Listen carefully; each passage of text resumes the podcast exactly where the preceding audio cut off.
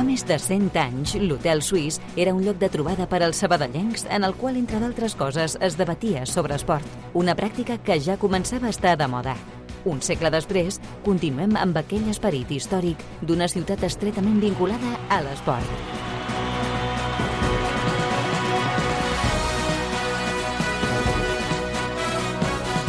Hotel Suís, amb Adriana Arroyo.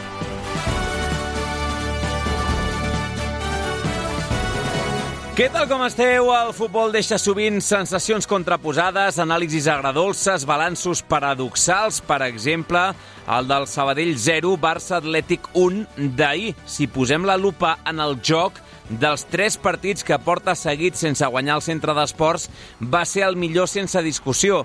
De fet, Òscar Cano va anar més enllà i va dir que era el millor partit des de la seva arribada. Per tant, en quant a joc, el Sabadell va fer un pas endavant ahir. Per compte, si ens quedem amb el marcador, és una evidència que el pas és cap enrere. Veníem de dos empats i de no perdre en tot el 2024, si mirem una mica més enllà, i ahir Cano va digerir la seva primera desfeta a la nova Creu Alta com a tècnic del Sabadell. Nova oportunitat desaprofitada per sortir del descens. Ara l'equip és a dos punts de la permanència i només queda aferrar-nos al que ens vulguem aferrar, a la dolorosa derrota d'ahir contra el filial culer o a les millores en quant al joc. El míster ho tenia molt clar ahir. Deia, aquest és el camí que hem de seguir.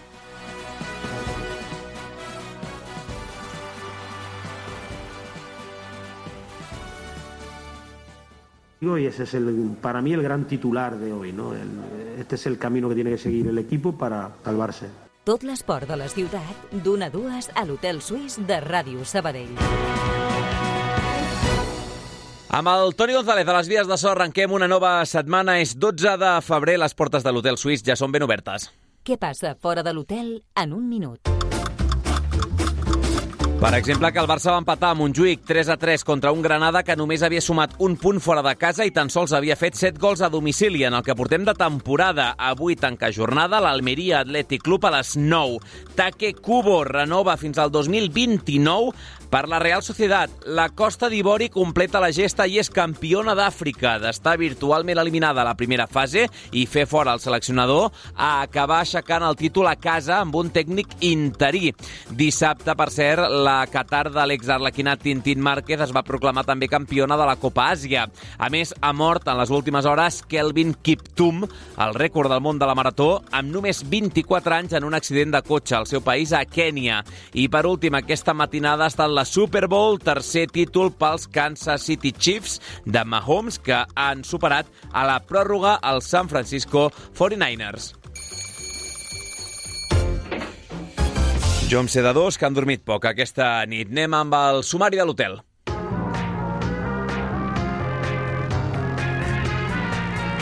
Es comenta la recepció?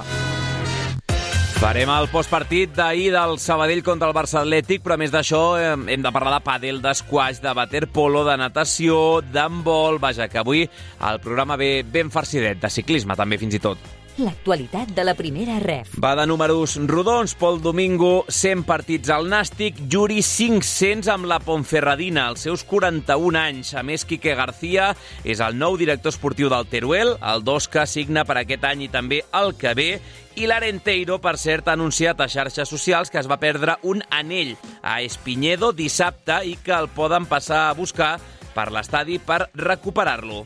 La notícia curiosa. Suspenen un torneig de la PGA de golf a Phoenix pels incidents causats per uns aficionats que anaven borratxos. Un d'ells, fins i tot, va arribar a saltar a un búnquer per fer l'àngel a la sorra amb els braços. Hem vist la imatge al perfil de X de Tiempo de Juego a la Cope. De quin partit no estarem pendents? D'un que, si són puntuals, ha arrencat fa 8 minuts des de la una un amistós del Beres Rivne d'Ucraïna contra l'Iepaja de Letònia. I a les xarxes socials? D'entrada, Gerard Romero disfressat de gamba fallant un penal ahir a la Kings League li va aturar, i per això ho expliquem aquí, un exarlequinat, Víctor Vidal.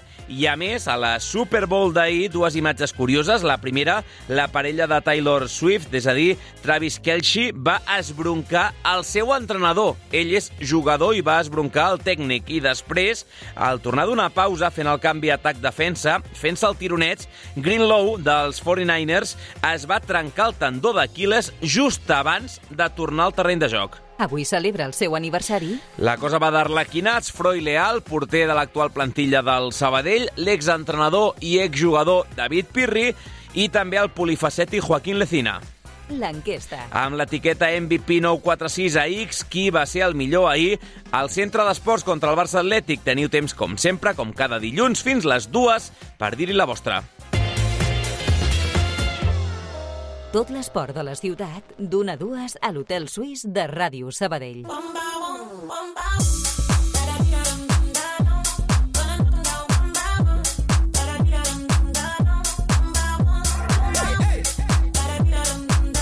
10 minuts mal comptats per sobre de la una. No li vaig preguntar ahir en directe, per tant aprofito ara. Sergi Garcés, què tal, com estàs? Bona tarda. Qui va ser el millor ahir per tu d'aquest Sabadell Barça Atlètic? Doncs mira, li donava voltes després mentre anava escoltant al final de la Transmi, eh, després d'escoltar protagonistes, eh, etc.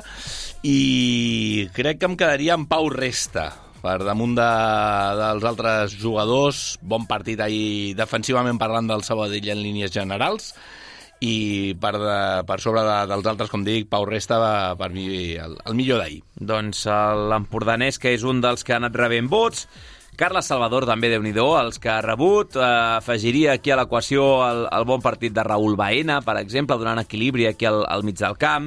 A més, la primera titularitat. La cosa està, està ben oberta, a veure qui acaba guanyant entre l'audiència.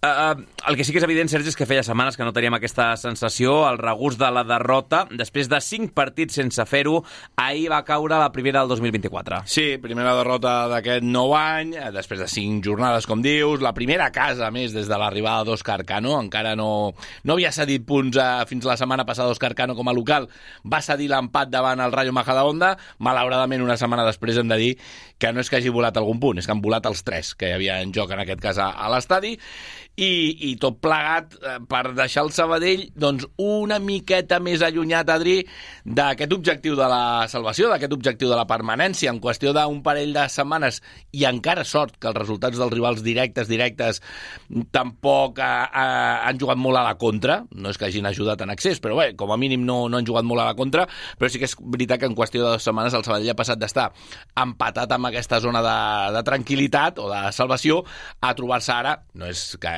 cap quimera ni molt menys, però a dos puntets dels equips que ara marquen, eh, com diem, la, la permanència. Jo crec que més que almenys dos d'ara, que evidentment és la diferència que s'ha d'aixugar per poder sortir, és aquella sensació d'haver desaprofitat tres bales, no? Perquè al final has tingut tres setmanes seguides que tenies l'oportunitat, que gairebé sabies que guanyant treies al cap de la zona baixa i si no, si no és un all és una, una ceba, però, però al final entre unes coses i unes altres, continues aquí a baix i anem camí dels, dels quatre mesos dins la zona de descens. Encara que el partit d'ahir va deixar si traiem de l'equació el resultat, la derrota, i parlem del joc, va deixar bones sensacions al Sabadell ahir. Sí, una derrota segurament per això més difícil encara de pair, eh, de, del que pot ser habitual en, en altres circumstàncies, en altres eh, casualístiques, perquè és que el Sabadell, ara pot sonar això a, a molt estrany, ho va fer eh, ho va fer tot, i, i, tot pràcticament bé, mm, poso aquest pràcticament perquè és evident que la jugada que t'acaba suposant el gol de la derrota no estàs massa, massa fi, però fins aquell moment i, i, i gairebé diria també després, l'equip ho va fer tot i tot per guanyar. Va tenir les, les ocasions més clares, de fet, en, en, tenim tres ocasions on, on el Sabadell va estar però ben a prop, ben a prop d'aconseguir veure porteria i de superar Ander Estràlaga, per cert, eh, d'aquí una estona serà una mica més protagonista el porter Vizcaí del, del, sí, eh? del Barça Atlètic. Eh, però és veritat, o sigui, va haver-hi aquest mà a mà de David Soto previ al gol, eh, aquesta ocasió prèvia al gol, va haver-hi una altra mà a mà de Nando García també davant d'Estràlaga ben resolta pel, pel porter, mal resolta pel, pel jugador arlequinat, i dintre del que van ser ocasions d'aquelles que no t'acabes d'explicar com, no, com no poden entrar, un xut de Raül Baena, ara que en parlaves fa un moment, que acaba rebotant, que la treu a contrapeu gairebé, traient la mà espectacular a Estràlaga, amb el punt de fortuna que aquella pilota que cau després de tocar-la ell amb la mà gairebé diria que ell no sap on està, que el porter del Barça Atlètic perd de, de vista la pilota i la pilota cau del cel amb la mala llet, anem a dir-ho així, que pica el travesser, quan en una altra circumstància podia haver caigut dins de la porteria i ningú no hagués pogut fer res per, per evitar-ho, però... Per mi és la més... Eh, la intervenció de més mèrit d'Estralagai, sí, eh? Sí, perquè les altres... Perquè un doble rebot, crec que és Marro, i després toca a, a Mbake, eh, s'enverina, l'agafa a contrapeu, treu la mà i, com dius, després aquest sí, punt de sort sí, també. Per, sí, per un efecte de, de, de reflexos. És cert que en, la, en el Mama contra David Soto eh, està també fi, li encerta molt bé la, la direcció al, al jugador navarrès del Sabadell. En el cas de Nando, hem de dir, sense restar-li cap mèrit a Estralaga, que aquí ja fa més eh, Nando per no marcar que no pas Estralaga per evitar-ho, perquè...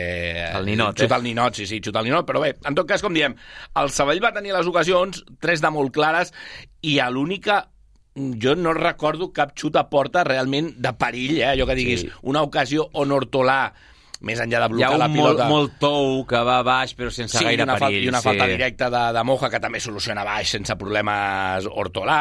Eh, diríem que l'únic xut perillós, l'única ocasió clara de gol que va tenir el Barça Atlètic va arribar al gol, que, que al final és del que es tracta. Per tant, l'encert ahir, o el no encert eh, en una àrea i a l'altra, va acabar fent que, que el Sabadell perdés un partit, com diem, difícil de pair a dia d'avui, perquè és que ho vas fer gairebé tot. Si et sembla, comencem per escoltar Òscar Cano, perquè precisament en aquesta línia del com de bé havia jugat el seu equip, com de bé ho havia fet el Sabadell per guanyar i tot el que havia fet en positiu el conjunt arlequinat, fa que Òscar Cano faci una valoració tan i tan positiva que tens, eh? Mira que n'ha guanyat de partits des de que ha arribat. Doncs per ell, el millor partit de, de l'era Òscar Cano és precisament la derrota d'ahir. Ha habido ocasiones, en el descanso se lo he dicho, hay veces que hemos robado la pelota, que ha habido un buen desmarque y no hemos sido capaces de conectar, ¿no? Por una u otras razones pues no hemos sido capaces ¿no? de encontrar a esos jugadores que se estaban desmarcando. No es que aciertas en tu, en tu apreciación, no es que no haya habido eh, desmarques para ser profundo, que sí lo ha habido, sino que no lo hemos visto. ¿no? El poseedor no era capaz de ver a Vladi, de ver a, a Marru, ¿no? que, que se estaban desmarcando a la espalda de sus centrales. Mira, hem escoltat un tall més del que tocava Sí. d'Òscar Cano, parlava de la primera meitat i de com li estava costant de trobar el Sabadell de passada pels Mar, Robladis, etc. Ara sí, eh, el, el mea culpa. Eh? Des d'aquí, Òscar Cano, parlant del que comentaves, millor partit de la seva era. Sinceramente, es el mejor partido que ha hecho este equipo desde que yo estoy aquí. El resto de partidos no puedo valorarlos porque evidentemente no, no, no me corresponde hacerlo, ¿no? Eh, y yo no estaba, ¿no? Solo faltaba. Pero desde que yo estoy aquí, eh, para mí, con diferencia, ha sido por, por contexto, por rival al que nos hemos enfrentado. Es decir, eh, acabar el partido diciendo que el Barça B solo te ha tirado una vez eh, con peligro entre los tres palos cuando es- un equipo que, que, te, que, pues, que te somete, que te hunde. Es decir, han estado súper incómodos. Per, per mi la discussió com a molt és amb Cornellà, que la veritat és que el partit de, de Palamós va ser molt complet en línies generals també de, de l'equip de, de Cano, aquell dia vas guanyar i es va perdre, però, però vaja, compres o no l'argument tu, Sergi, de ser el millor partit de l'era Cano? Sí, a mi el de Cornellà em va agradar. És cert que el rival no et va exigir tant, eh, i, i puc entendre eh, el tècnic andalús quan parla de tot, eh, no només de com de bé va jugar el Sabadell o com d'ocasions en va tenir el seu equip, sinó per posar tot el context, no? també eh, valor el fet eh, que davant tenies el, el Barça Atlètic. L'altre exemple podria ser el del Celta Fortuna, però clar, no va ser tan clar, sinó que després vas tenir aquesta capacitat de reacció i vas acabar guanyant un partit davant un molt bon equip, és cert, però que no et va permetre tenir aquesta sensació de, de tranquil·litat que per moments eh, valgui, eh? I mira que la pilota la va tenir l'equip de Rafa Márquez en, una, en un tant per cent molt elevat de possessió, però de manera molt estèril. Tornem-hi, eh? No va arribar a generar-li realment problemes a la porteria d'Hortolà. Llàstima d'aquesta bona acció de l'Eix Garrido i ben acabada per, per Unai Hernández. Suposo que no, però eh, vas escoltar Xavi Alonso després de guanyar amb el Bayer Leverkusen al Bayern de Munic? No. Deia, hem tingut el domini de partit sense la pilota. Doncs és això, no?, una mica. O sigui, no tenies la pilota, però sí tenies la sensació de controlar el que estava passant i fins i tot hi va haver un tram a la segona meitat de, de notar que el Barça estava incòmode perquè estava imprecís perquè portava una estona eh, traient aigua i ja està, que va coincidir amb les ocasions més clares. Sí, sí, sí. Mira, una més d'Òscar Cano en aquest sentit, eh? perquè tan convençut està del que diu el, el tècnic granadí, de, de com va veure el partit, que estrany en ell s'atreveix a fer un pronòstic, eh? i és curiós, però com a mínim és un, molt aclaridor i, i molt fàcil d'entendre a, a què es refereix Òscar Cano a l'hora de posar tant i tant valor al partit que va fer ahir al Centre d'Esports. con independencia de los eh, del- de, no haber sacado hoy puntos, yo creo que es que es imposible que nosotros jugando así 10 partidos eh, consecutivos perdamos más de dos, es imposible, es decir, es que es decir, no es que hayamos tirado desde nuestra casa y el balón haya rozado el palo, es que ha sacado una mano extraordinaria a su portero y la pelota en el rechace ha dado en el larguero eh, y después que nos hemos quedado dos veces solos contra el portero. Eso es una realidad que ha ocurrido. De les rodes de premsa més contundents també d'Òscar Cano, eh? entre que aquest és el camí, uh, el millor partit de, des que jo sóc aquí és aquest, uh, uh, jugarem aquests partits uh, i només en perdrem com a molt un mes uh, fent-ho com ho hem fet avui. O sigui, va deixar com, com moltes sentències, no? Sí, no, no, algú podrà pensar pensar que potser era perquè tocava doncs, eh, allò, baixar una mica el, el pessimisme després d'una derrota, però és cert que, que més enllà de, del resultat el, el Sabadell va estar molt bé, eh, o, o va estar bé, va estar a un bon nivell, suficient, més que suficient, diríem, fins i tot per ocasions, eh, tornem-hi, eh, per, per haver-se endut la victòria. I, en canvi, mm, fruit d'això, no és que et deixis escapar punts, és que directament no en vas sumar cap, per tant vas marxar de 8 d'aquesta jornada. Tot això perquè ahir el que li va faltar a l'equip per posar-li la nota negativa no la trobarem en l'àrea pròpia, no la trobarem a la pròpia porteria, sinó que la trobarem a l'altra àrea. Eh? Com estàvem comentant, Adri, és impossible gairebé generar ocasions, i algunes d'elles tan clares com aquestes que estàvem comentant, ocasions que fins i tot eh, podrien haver provocat una victòria, no diré plàcida, però sí que el Sabadell no hagués de patir per acabar sumant els 3 punts davant el, el Barça Atlètic. És evident que no va ser el dia i segurament per tot això que estem dient, ara encara sentiràs un Òscar Cano més contundent, no? Encara te'n vas més fotut, sempre és més l'expressió, encara costa més d'assumir, d'entomar de, de, de, que els tres punts volessin ahir del temple.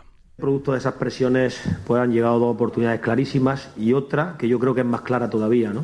Que hay una parada que saca la mano su portero y, bueno, y en el único acercamiento que ellos han tenido donde se veía por su por, la dinámica de la propia situación que podía eh, que podía acabar dentro pues ha acabado dentro de nuestra portería ¿no? Eh, la verdad que es un es un palo, no es un palo para nosotros porque creo que hemos sido superiores y no poco, yo creo que hemos merecido ganar y ganar bien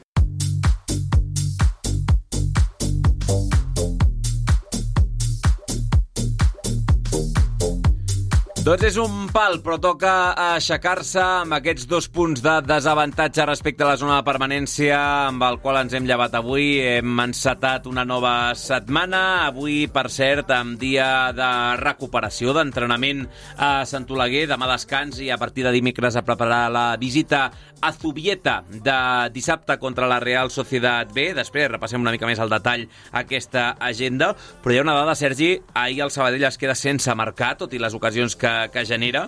Des del 17 de desembre, el Lleó contra la Cultural, que el Sabadell no acabava un partit sense haver foradat la porteria rival.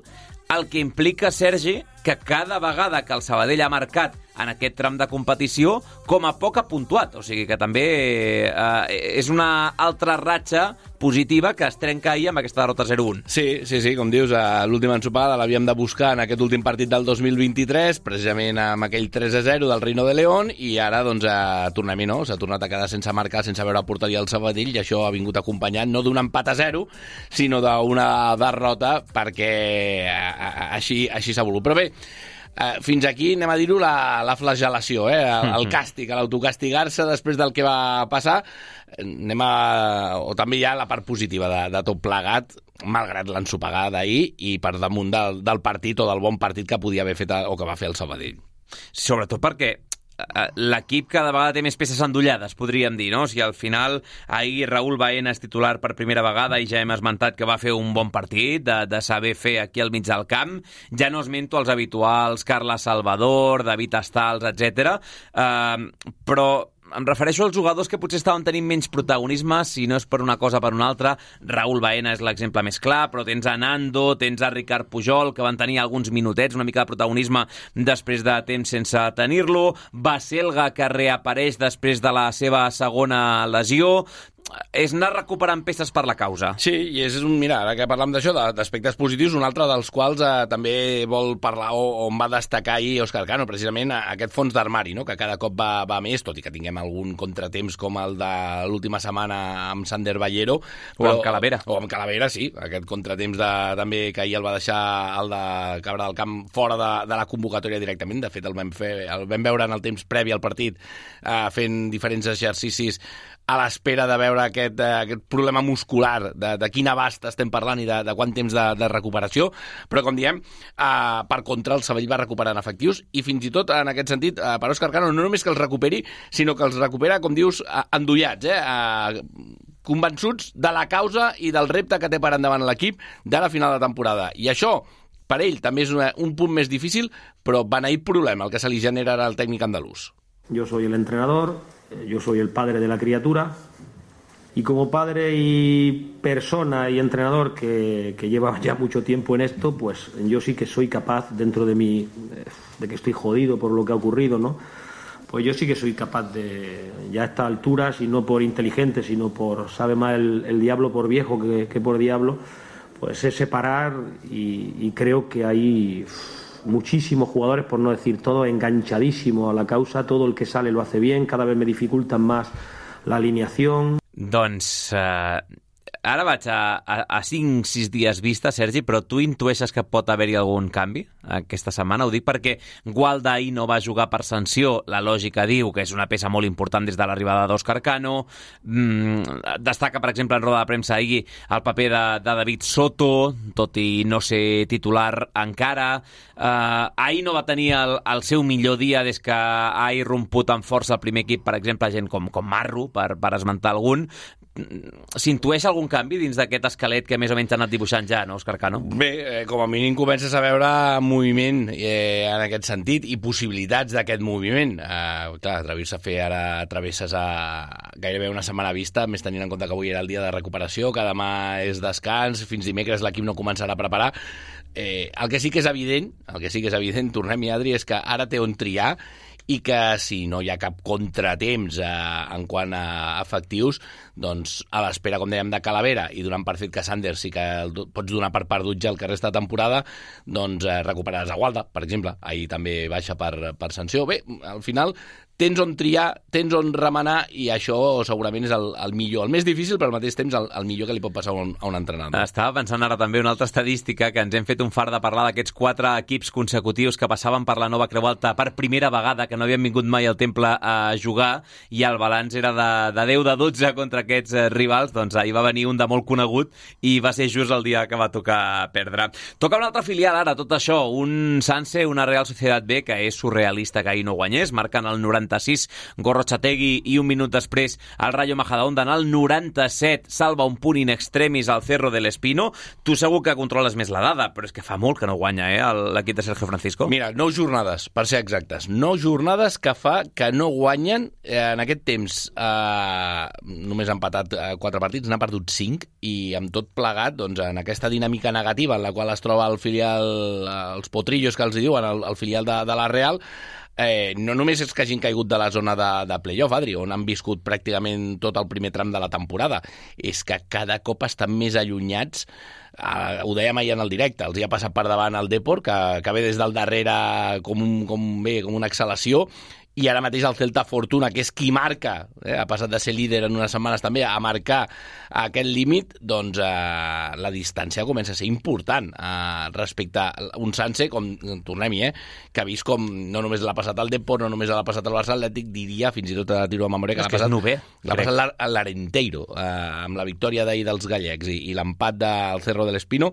doncs eh, el Sanse ha, ha anat perdent posicions. Mira, 32 punts del Sanse, a 7 del playoff que marca el Celta Fortuna i com comentes amb el Barça Atlètic, l'Arenteiro, aquests dos entre mig. Són 32 punts. Eh, tant de bo que sí, si, si el Sabadell guanya Zubieta, se situa a 7 punts només, entre cometes només, de la Real Societat B. Ho dic perquè, clar, la, la Real B eh, estan ara mateix a 7 punts, si perd aquesta setmana el Sabadell estarà més a prop que no pas al playoff respecte sí, al Sanse. Sí, sí. I, I tot això, com diem, amb, amb, és el primer pas de, de tots els que li queden a l'equip mirant cap al futur. Eh? Uh, més enllà d'aquestes hores baixes que pugui tenir el, el rival, recordant, això sí, que el Sabell només ha guanyat un partit a domicili, va ser aquest que estàvem comentant a Palamós davant la Unió Esportiva Cornellà, i sobretot que, com s'està demostrant, les segones voltes, no em diguis per què, les coses van més cares, tothom uh, s'aplica bastant més, els equips de la zona baixa sumen més punts, els de dalt els hi costa més doncs, guanyar partits que al principi de temporada sembla que els guanyen amb més facilitat, tot això amb una barreja de sensacions, però sobretot amb un Òscar Cano, diu que tant ell com l'equip, sobretot, preparat a veure si el símil s'entén bé, per totes les batalles, aquest punt bèl·lic, a totes les batalles que li queden per disputar fins al final de temporada. Todos los partidos van a ser una batalla y yo lo que sí siento es que el equipo está preparado. ¿no? Eh, me preocuparía eh, que no estuviese preparado, no estoy para nada preocupado, cero además, estoy, aunque sea un contrasentido, feliz por una parte y jodido por otra, eh, porque no se ha ganado, obviamente, y porque nuestra gente, eh, desde el vestuario a toda nuestra afición, merecía una victoria por lo que ha hecho el equipo hoy y por cómo se ha comportado la grada. Doncs això, per acabar-ho de rematar, una més, perquè per Òscar Cano, aquest sí que ja l'hem sentit, l'hem escoltat en les darreres setmanes, sobretot dient que el Sabadell s'ha guanyat aquest dret a somiar dret que s'ha guanyat el camp en forma de punts i aquestes opcions reals de sortir del descens d'estar com a mínim en aquesta disputa. I això, diu, ja no li pot treure ningú. Es que las derrotas van a llegar, es decir, si le llega a todo el mundo. Es decir, en el otro grupo hoy ni Castellón ha ganado, ni Ibiza ha ganado, eh, eh, Málaga ha perdido en Melilla. Es decir, es que ya se van ajustando las cosas mucho porque no queda tiempo, o va quedando, mejor dicho, menos tiempo para conseguir el objetivo, ¿no? Nosotros hemos, como digo, siempre hemos conseguido formar parte ya del grupo por derecho propio y por, por, por punto y por sensaciones de, ese grupo de, de equipos que, que, que se han ganado el derecho a poder salvarse.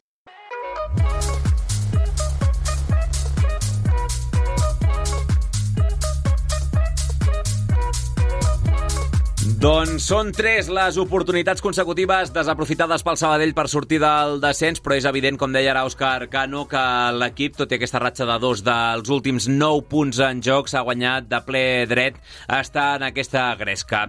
Parlant de gresques, que ho has promès abans, Ander Astralaga, eh, passaran els anys aniran passant les generacions i sempre tindrem els mateixos tipus de problemes en un Sabadell-Barça Atlètic o Barça Atlètic-Sabadell, perquè això l'escenari no canvia el fet com a tal, perquè el Johan Cruyff també ho hem vist moltes vegades.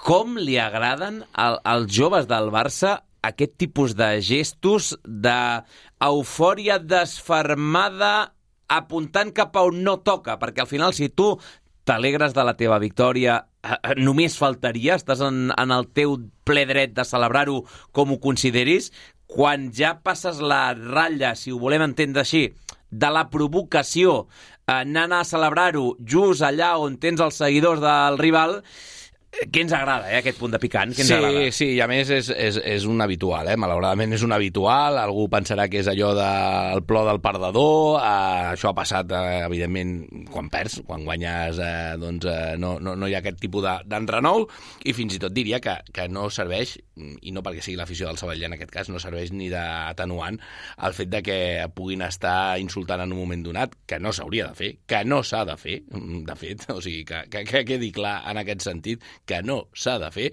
però per jugadors que són professionals, encara que la categoria no ho sigui, i que aspiren a ser-ho i que ho seran segur en un futur immediat, home, també has de saber gestionar aquest estat anímic. Ahir gairebé ho personalitzaríem en, en Estrada, que va ser el que van dur doncs, totes les mirades. No va ser l'únic, però sí, com a mínim, eh, les principals mirades van girar al voltant del porter Vizcaí del, del Barça Atlètic. Bé, hi, ha, hi ha un gest d'Unai, de, del Sí. golejador, eh, eh, fent el gest de, de descendir al, al Sabadell, d'anar cap a segona. Sí, eh, jo...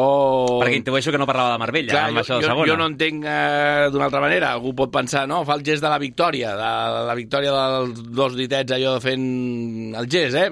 Jo veig aquí més un punt de provocació, però bé, en tot cas, com diem, va ser l'enrenou final, que no va passar d'aquí, d'algun altre retret verbal i poca cosa més, però sí que en roda de premsa se li va preguntar a un altre porter, i a un altre porter que també sap el que és jugar en aquella casa, com és el capità actual del Sabadell, Adrián Hortolà no va voler fer gaire sang del company, en aquest sentit, sí que va parlar d'aquest punt de, de joventut, d'immadurès a l'hora de, de justificar o d'explicar què se li podia haver passat pel cap a Astràlaga i d'aprenentatge de cara al futur que li vindrà. Per allò tan tòpic també, però en el futur mai no saps on acabaràs jugant. Al final és gent jove que, que ha de madurar, ha d'entendre que això al final és un partit de futbol i no, no ve a cuento i, i ja està, i centrar-se en el que és el futbol perquè al final el futbol dona moltes voltes i, i hem d'estar pel, pel futbol i pel partit. Doncs si ho diu Hortolà, que ha estat al Barça Atlètic, que té aquest punt de veterania com a capità del, del rival, home, suposo que al final eh, l'edat també ajuda i quan ja has voltat pel món eh, la visió és diferent. Eh, també ho dèiem, eh, ahir, al final és que plou sobre mullat i, i és una llista llarga, eh? També és veritat el que dius tu, que, que si vas perdent partits com el Sabadell recentment en perd més que no en guanya contra el Barça Atlètic, eh, aquestes situacions es donen més que si no marxes allò amb el capcot cap a casa i ja està. Però els Monxo, Arnau Tenes, Estanis, Astràlaga, és que gairebé anem a un que fa aquest tipus de gest de provocació per partit perdut. Algú dirà, la mala notícia és que això ha passat perquè evidentment no han tirat els partits endavant, eh? però bé, al final sí, sí, la llista comença a ser, comença a ser curiosa en, en tot cas, i com diem, jugadors que al final després és que són professionals, és que arriben al futbol professional, eh, que ja ho són ara, perquè per, per, per nòmina ja ho són, però és que més el dia de demà eh, és evident que es guanyaran la vida en camps bastant més hostils que no pas el de les 5.000 i escaig persones que hi havia al, a l'estadi de la Nova Creu Alta. Torno a dir, sense que serveixi, clarament ho dic, sense que serveixi d'excusa als possibles insults o als més que segurs insults que van poder escoltar en algun moment des de, la, des de les graderies o des de la graderia de, de l'estadi de la Nova Creu Alta. Doncs un partit que sempre aixeca aquest punt de, de polseguera, que sempre provoca aquest punt de morbositat en, entre que és un duel entre catalans, Sabadell-Barça Atlètic, ahir més de 5.440 persones a la Nova Creu Alta, segona millor entrada de la temporada i malauradament aquesta primera derrota a la nova Creu Alta de l'era Òscar Cano. Avui dèiem, teníem dia de recuperació, demà descans, una setmana que ens porta no a jugar diumenge, sinó que ara crec que ara tiro molt de memòria, eh? Són dos partits consecutius, crec que en dissabte, no? Com a mínim, com a mínim. Ja no tiro molt més enllà, però el, el, de, el primer i el del proper a casa, contra el Real Unión, eh, són en, en dissabte. Però bé, com diem, aquesta setmana torna a ser curta, entre cometes, això de curta. Dimecres tornen a la feina, entrenament a la nova Creu Alta eh, per als homes d'Òscar Cano. Hi haurà roda de premsa dimecres. Tot partint de la base que el partit és dissabte a les 6, que el seguirem des de mitja hora abans a la sintonia de, de Ràdio Sabell en directe des de Zubieta, des de la ciutat esportiva de la Real Societat, i que l'equip viatjarà divendres. Això el que sí que provoca és un canvi a l'agenda, Adri, és que la roda de premsa habitual d'Òscar Cano no serà divendres, per allò del viatge en autocar, sinó que s'avança a dijous, com ja ha succeït en altres ocasions. Per tant, dimecres jugador, dijous el míster, a l'hora de parlar de la prèvia d'aquest Sabadell Sanse, o per ser més exactes, Sanse Sabadell. Confirmo, eh? Dissabte a les 6 el partit a Zubieta, a les 4 el següent dissabte, l'últim de febrer, a casa contra Real Unión i després l'altra setmana és el desplaçament a Sestao, que és diumenge, en comptes de dissabte, per tant seran dos de seguits en dissabte. Demà al carrer, eh, Sergi? Sí, sí, demà dia especial per la ràdio en general, el món de la ràdio en general, i més aquest any del centenari de la ràdio a l'estat espanyol, però també per Ràdio Sabadell. Demà tindrem un hotel eh, davant, de la, davant del públic, de tots els que es vulguin apropar. Doncs si voleu venir, allà a tocar del racó del campanar al costat de l'Ajuntament, des de primera hora del matí amb el cafè de la ràdio i fins al Notícies migdia a un quart de tres estarem fent ràdio des del centre de Sabadell. Gràcies, Sergi. Fins ara. Fins ara. Publicitat, dos quarts i mig de dues del migdia. A la tornada hem de parlar de molta teca encara, eh? El Mundial de Doha, squash, pàdel, ciclisme o handbol.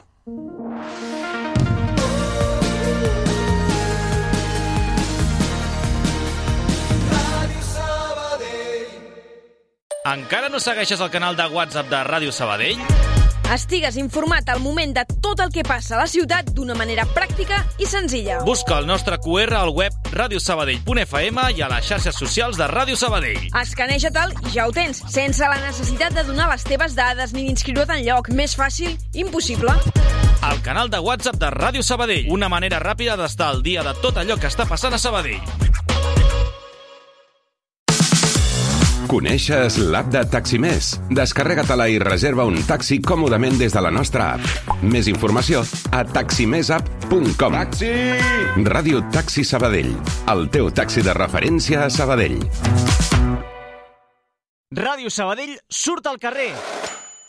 Aquest dimarts celebra amb nosaltres el Dia Mundial de la Ràdio. Per mi la ràdio és el mitjà més essencial, el més ràpid, el més fugaç, el que arriba de seguida. A partir de les 9 del matí t'esperem al racó del campanar per viure un dia diferent. A rac actualment no estic fent res molt diferent del que feia a Ràdio Sabadell i a mi això em va donar la vida, això és la, la millor escola que jo he tingut és venir a Ràdio Sabadell. Tot per celebrar el Dia de la Ràdio com només Ràdio Sabadell ho sap fer. 15 anys des després us continuo escoltant i continuo seguint també el futbol al Sabadell amb vosaltres. Dimarts 13 de febrer, al llarg de tot el matí, celebra el Dia Mundial de la Ràdio des del racó del campanar amb Ràdio Sabadell.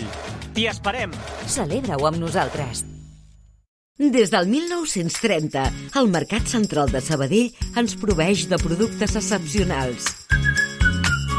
Avui dia conserven aquesta qualitat, però, a més, també miren per la comoditat dels nostres clients. Al Mercat Central tenim servei de cangur. Mentre fas les teves compres, els teus fills es diverteixen. Al Mercat Central tenim servei a domicili per a persones que el seu temps és or. I si vols anar amb cotxe, tens pàrquing gratuït amb carros de compra perquè no portis pes. El Mercat Central de Sabadell mira per tu. Vine al Mercat Central. Som Sabadell.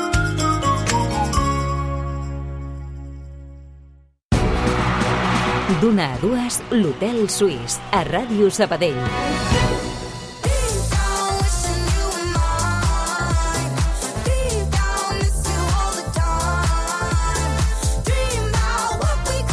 Vint minuts clavats ens queden encara de programa. Comencem pel Mundial de Doha, el bloc poliesportiu. Sergio de Celis i Carles Coll, els dos nedadors masculins del Club Natació Sabadell, s'han estrenat amb una vuitena posició en el relleu 4% lliure, un resultat que en el rànquing que es fa sumant el resultat de l'estiu passat a Fukuoka, que també va ser un vuitè lloc, els atorga ja el bitllet olímpic, això sí, amb un asterisc. La delegació espanyola encara necessita dues mínimes individuals més per assegurar-se el relleu a París, ja que únicament té confirmada la de Hugo González. D'entrada, Coll no la va poder signar en el 100 braça, on va ser 27è a les eliminatòries. Escoltem el mallorquí de Celis posant en valor el fet d'haver disputat dues finals mundialistes consecutives en aquest relleu. Al final no deja ser una final de un mundial, que lo que estamos haciendo es algo que, que nunca habíamos visto en los relevos y bueno, también nos estamos mal acostumbrando a nosotros mismos, pero, pero bueno, poco a poco vamos aprendiendo, eh, cada vez vamos nadando más finales en europeos, mundiales. Y nada, yo creo que tenemos un buen equipo, confiamos en nosotros y, y al final saldrá. Pel que fa al calendari de tots dos, De Celis té els 100 lliures dimecres i Coll els 200 estils i els 200 braça dimecres i dijous, respectivament. A més, pel que fa als relleus, encara queden el 4 per 200 lliure i el 4% estils. Ahir, per cert, també es va estrenar la jove colombiana del club Estefania Gómez, sent setzena a les semifinals del 200 estils. Encara li queden, en el seu cas, el 50 i el 100 braça.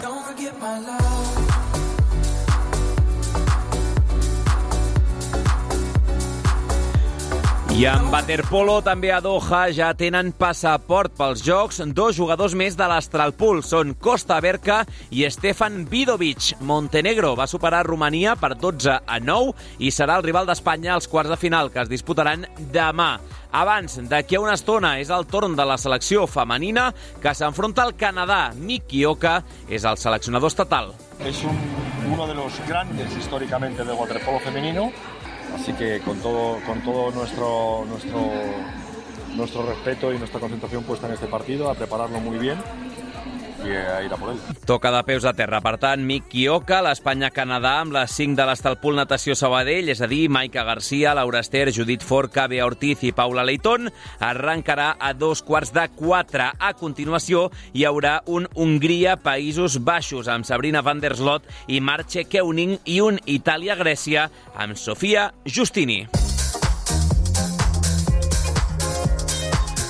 I en esquash, Iker Pajares ha revalidat el títol de campió d'Espanya. El del tennis Sabadell va signar un torneig pràcticament impecable a Santiago de Compostela per aixecar ahir al migdia el seu quart títol consecutiu. Ens ho amplia la nostra estudiant en pràctiques, l'Anna Clara. L'esquaixista sabadellenc únicament va cedir un set i va ser a la final contra el segon cap de sèrie, l'igualadí Bernat Jaume, a qui va superar per 11-7, 11-8, 6-11 i 11-5 en 63 minuts. Pajares reconeix que va utilitzar la mateixa estratègia de joc al llarg del partit i això va ser el que al final el va fer guanyar. Yo no cambié absolutamente nada en todo el partido. Después de perder el tercer juego yo seguí igual, con la misma estrategia. Creo que el tercer juego el, el jugó mejor, fue superior a mí. eh, estuvo muy acertado delante y nada que decir. eh, aceptarlo, eh, venir aquí, descansar, un trago de agua, un poquito de gel y a la pista y seguir con la misma estrategia. Fue lo, lo que hice y así funcionó. Amb aquest títol, Pajares es queda a només un dels cinc que va acumular un altre sabadellenc, l'actual director general del Club Tenis Sabadell, Albert Codina. Però encara està lluny del 16 del gallec ja retirat Borja Golan, el gran dominador del panorama nacional en aquest segle. L'esquaixista local assegura que aquest triomf és un extra de benzina per afrontar el calendari que ve. Muy contento, muy contento. Eh, teníamos muchísimo hambre de ganar este torneo. Es un torneo que, que pesa muchísimo. Está en un calendario complicado. eh, tenemos muchos torneos eh, profesionales y está ahí encajado. Y bueno, que me va a dar mucha gasolina para esta temporada, yo creo. eh, esto, esto es gasolina. Creo que, que me lo merezco. Eh, he entrenado muy, muy duro, he sido muy regular esta temporada. eh, no me he permitido ningún, ningún lujo. He sido muy serio, muy profesional y al final creo que los pequeños detalles eh, marcan la diferencia. Un Iker Pajares que avui viatja als Estats Units, on reprendrà aquest dimecres el calendari PCA per disputar l'Squash on Fire Open de Washington. Com a tercer cap de sèrie, Pajares s'estalviarà la primera ronda i s'enfrontarà al guanyador de l'eliminatòria entre el britànic Tom Walsh i el mateix Bernat Jaume. L'Hotel Suís obre les portes a l'esport de Sabadell. I després de l'Squash on Fire Open tindrà el Windy City Open, o sigui que dos clàssics als Estats Units de gairebé cada any per Iker Pajares. Més esports de raqueta, perquè ha estat un cap de setmana de molta activitat al Cercle Sabadellers amb la celebració del Campionat d'Espanya de pàdel per equips de primera categoria i seguint les finals a les mateixes instal·lacions de la carretera de Bellaterra vam tenir ahir el Pau Vituri. Hola, Pau, com estàs? Hola. Què home, tal? home waterpolo de normal, eh, discutint-te el títol de home pàdel amb Pau Duran en aquesta casa. Ma, ell està per sobre. Fins i tot va anar a cobrir Per la això, prèvia, eh? la roda de premsa de presentació d'aquest campionat de- d'Espanya, eh, que va començar amb neguit en l'aspecte meteorològic, fins i tot amb algun partit que es va haver de jugar sota coberta a Ripollet, i que va acabar amb una sorpresa destacada. Sí, de seguida comentem aquesta circumstància perquè va afectar de, de retruc al, al cercle, però sobretot el més destacat del cap de setmana és aquesta sorpresa en el quadre femení amb la victòria ajustada per 3 a 2 en, en l'últim dels eh, partits del tenis Barcelona sobre el que era el gran favorit a la prèvia, el Polo, que comptava amb les millors pales del, del circuit. Qui les tingui present i qui segueixi en certa manera també el circuit del World Padel Tour, doncs sabrà que ho reconeixerà, per exemple, la Rausen Cari Sánchez, la número 1 del món, o també les madrilenyes Ale Salazar i Marta Ortega. Totes aquestes, insistim, a l'equip del, del Polo, que va caure a la final final. Un dels punts, per cert, eh, pel Barcelona, el va signar una castellarenca nascuda a Sabadell, com és la Marina Guinart. Elles tenien un equipàs, eh, nosaltres hem anat a, a disfrutar, però vam fer una alineació que creiem que, que podíem ser fortes i, i ens ha anat bé. Ens podia haver anat molt malament i ens podia haver anat bé i, i per sort ens ha anat bé, però elles la veritat és que tenen un equipàs i sempre ha sigut un equip molt dur. Això ha marcat la diferència també, o sigui, si haguéssim jugat a lo millor aquest partit a Madrid no hagués sigut el mateix, això està clar, sempre jugar a casa i amb els teus és una motivació més i, i supercontentes. Doncs parlant de jugar a casa, qui també ho feia era una sabadellenca, eh, la plantilla, l'equip del, del tennis Barcelona, la Mireia Herrada, tot i que en el seu cas eh, no es va vestir de curta a la final. Sí que havia jugat algunes eliminatòries prèvies, però a la final no va ser una de les seleccionades. Això al quadre femení, a la final masculina el Polo li va tornar la moneda al tennis Barcelona guanyant per 3 a 2 també i en clau local males notícies pel cercle que va baixar de categoria. Doncs sí, a més el subcampió de l'any passat, eh, l'equip masculí del, del cercle, que malauradament va perdre les seves dues eliminatòries per la mínima contra el Rivapadel madrileny divendres i dissabte contra el Rio Grande Sevillà. La segona, més, aquesta segona eliminatòria, com dèiem abans, es va haver de traslladar a Ripollet eh, per la pluja que va caure eh, sobre les instal·lacions, sobre les pistes de pàdel de la carretera de Bellaterra, que són descobertes. Eh, vam parlar també amb el Javi Conde, el director del torneig i de la secció de pàdel del, del Cercle, al voltant d'aquest descens. Esto nunca se sabe.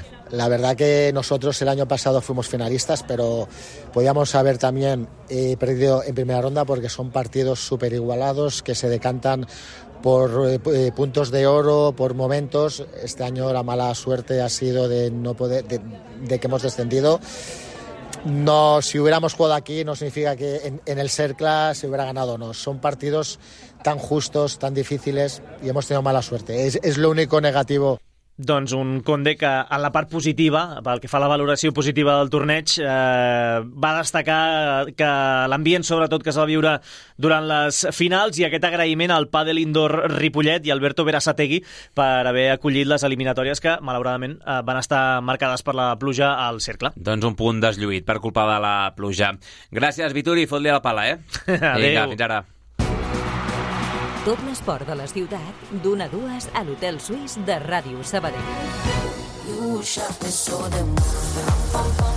I en ciclisme, David de la Cruz es troba disputant en aquests moments la clàssica de Jaén, aquesta peculiar prova que transcorre per camins d'oliveres. Tot i això, la pluja precisament ha fet acte de presència també en les últimes hores i ha obligat a retallar els trams de l'anomenat Esterrato, els de terra. N'havien de ser 12 i finalment n'hi haurà només 4. A les 3, Teledeporte connectarà amb la prova. En definitiva, és la segona cursa del ciclista d'Espronceda amb el seu nou equip, el Q36.5, després que la volta a la regió de Múrcia d'aquest passat dissabte estigués molt marcada en el cas de De la Cruz per dues avaries mecàniques que el van deixar sense cap mena d'opció de lluitar per un bon resultat. I a tot això, un altre sabadellenc, David Domínguez, també va pujar dissabte a la bicicleta per participar a la Figueira Champions Clàssic portuguesa, una prova 1.pro i que el boi millor del pilot internacional que es va endur el belga Remco Evenepoel, només cal veure aquest nom per adonar-se del nivell que hi havia a la prova. El de Castellarnau, per la seva part, va entrar entre els 100 primers a poc més d'un quart d'hora i a falta de confirmació per part del seu equip, la Viludo Louletano, de Portugal també, la pròxima cita de Domínguez serà la Volta al Garbe, que arrenca aquest dimecres i s'allarga fins diumenge. Avui acabem amb handbol, ratxa molt estranya de l'Oar Gràcia femení, tres empats consecutius que han deixat un regust més aviat agre. Doncs no, la veritat és que és la primera vegada i estem allà en un bucle cada partit. Sí que és veritat que tenim la capacitat de donar la volta perquè aquests tres partits anàvem perdent al final i vam donar la volta, però tot i així no, no estem amb, amb les bones sensacions que, que hauríem d'estar. Era l'entrenadora de l'Oar femení, la Carol Carmona, explicant que mai s'havia trobat amb una sèrie de tants empats consecutius i aquestes sensacions que no acaben de convèncer. Davant del Sant Vicenç, 33 a 33, en un partit de tempteig alt i que les porteres no van tenir el seu millor dia. Les gracienques van trobar a faltar la figura de Mercè Buixó sota pals, que està lesionada, i en cap moment van poder desempallegar-se del rival. De fet, el Sambi va estar a punt de guanyar, ja que es va posar dos gols amunt en el tram final abans que les gracienques reestablissin la igualada. L'última defensa de l'Oar va ser bona, però no hi va haver temps per córrer el contraatac i Berta Prat va marcar clarament després que sonés la botzina. De tot plegat se'n lamentava Janna Sobrepera, autora d'11 gols en aquesta conversa amb el Sergi Parc. Som-hi va, amb la Jana Solapera, jugadora de l'Uar Gràcia, després d'aquest tercer empat seguit de l'Uar Gràcia. Què tal, Jana? Bueno, aquí estem. un puntet, almenys. T'havies trobat algun cop amb empat a tres vegades seguides o què? No, no, mai, mai a la vida. Això no m'havia passat. Ratxa força estranya i, i que deixa regustos, jo diria que bastant diferents. Eh? El, el primer dia contra Ribas que el salveu pràcticament allò un partit que estava pràcticament perdut, el de la setmana passada que s'escapa per una pèrdua gairebé inexplicable i el d'avui que ho dèiem ara, a fora de, de la gravació, el partit arriba a durar un segon més i el gol de la Berta hauria comptat, és que fa ràbia, eh? Totalment, jo crec que estem amb una mala ratxa al final Uh, ja no és per als empats, no és per com estem portant els partits. Fins a l'últim moment estem un amunt, un avall, i al final doncs, es dona la casualitat que justament empatem. És cert que dos dels partits ha sigut remuntada, llavors per part un punt que sí que sap molt, però clar, quan ara ja en portem sis i no n'hem guanyat tres, o sigui, ens està passant factura perquè veiem que allò de les fases cada cop tenim el Sant Joan que segueix sumant i nosaltres anem d'un en un, llavors s'està complicant la cosa. Avui, per cert, eh, 33 gols en atac, bona xifra. Tu també doncs, has sigut una de les principals responsables d'aquests bons números ofensius. El que passa és que al darrere el, els mateixos, no? 33. Um, no és per posar-li aquí la responsabilitat a la Daisy, tota la responsabilitat, ni molt menys, eh? però és que al final la Merche és molta Merche i, i l'he de trobar falta en pista tant sí com no. Bueno, està clar que al final està molt bé que fem 33 gols, que ja és la nostra xifra en atac, amb el que correm i l'atac estàtic ja comptem els 33 gols. El problema està sent que en defensa no estem fines. O sigui, al final és clar, l'Arixi es troba a faltar, ai, l'Arixi, la Metge es troba a faltar, igual que es troba a faltar doncs, la Silke que tampoc ens ha pogut ajudar molt aquesta temporada, i bueno, i al final bueno, pues, la Merche cert que portava, a part d'un percentatge alt, una actitud que, i com si fos una altra posició del camp, també ens, la trobaríem a faltar.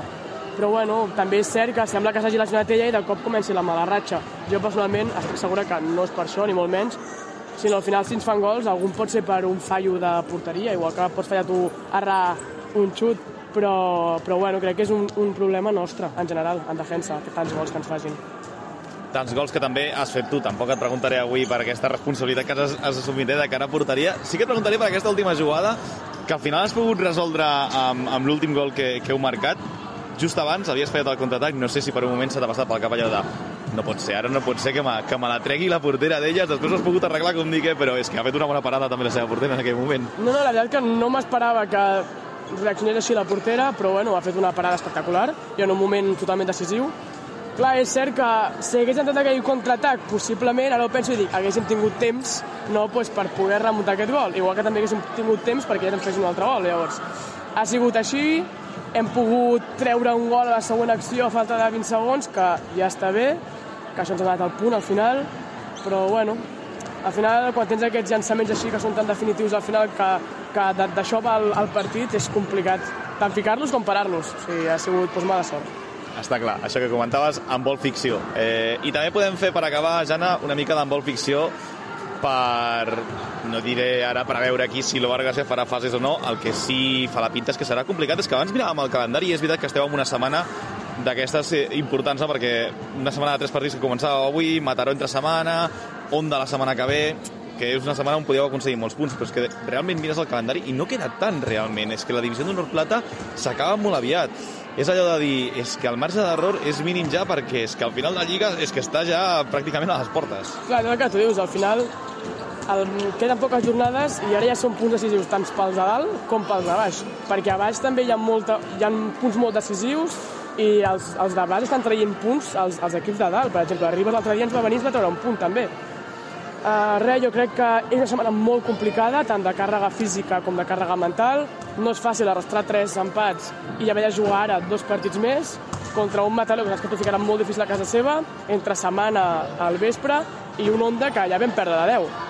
Llavors, d'alguna manera s'ha de trencar la ratxa ja, perquè si volem arribar a les últimes jornades, realment puguem anar a les fases d'ascens, ha de ser una reacció ja. Ja no podem perdre ni un punt més. Doncs eh, tant de bo que no es perdi. Jana, avui s'ha perdut un punt i esperem que sigui l'últim ja del que queda de, de fase regular. Vinga, sort a Mataró dimecres. Gràcies. Tant de bo, moltes gràcies.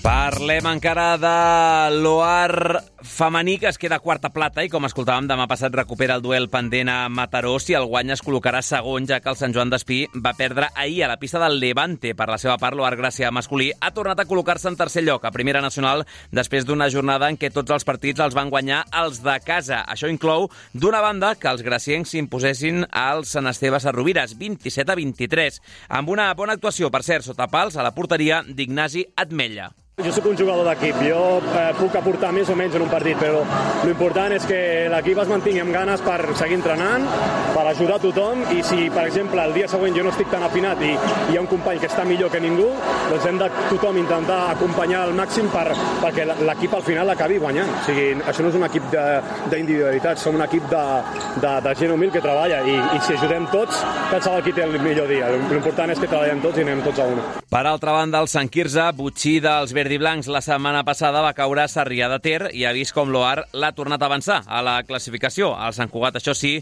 continua sense fallar i es manté segon, amb 4 punts més que els de Pere Allats. Amb els graciencs, per cert, va debutar el sabadellenc John Tricas, qui ha aterrat al carrer Bocatxó procedent del Sinfín de la Lliga Asobal. Per tant, un reforç per aquest tram final de competició a la primera nacional masculina.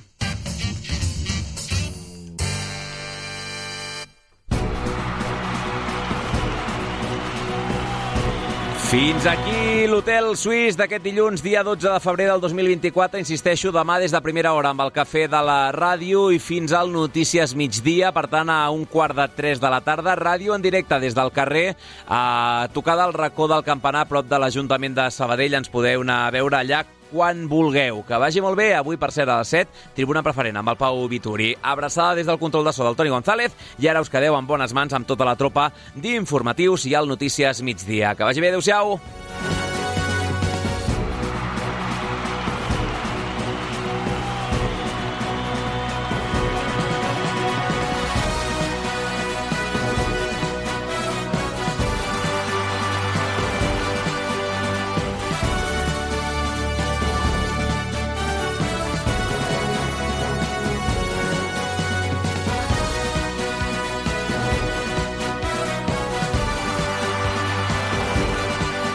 L'esport de la ciutat, d'una a dues a l'Hotel Suís de Ràdio Sabadell.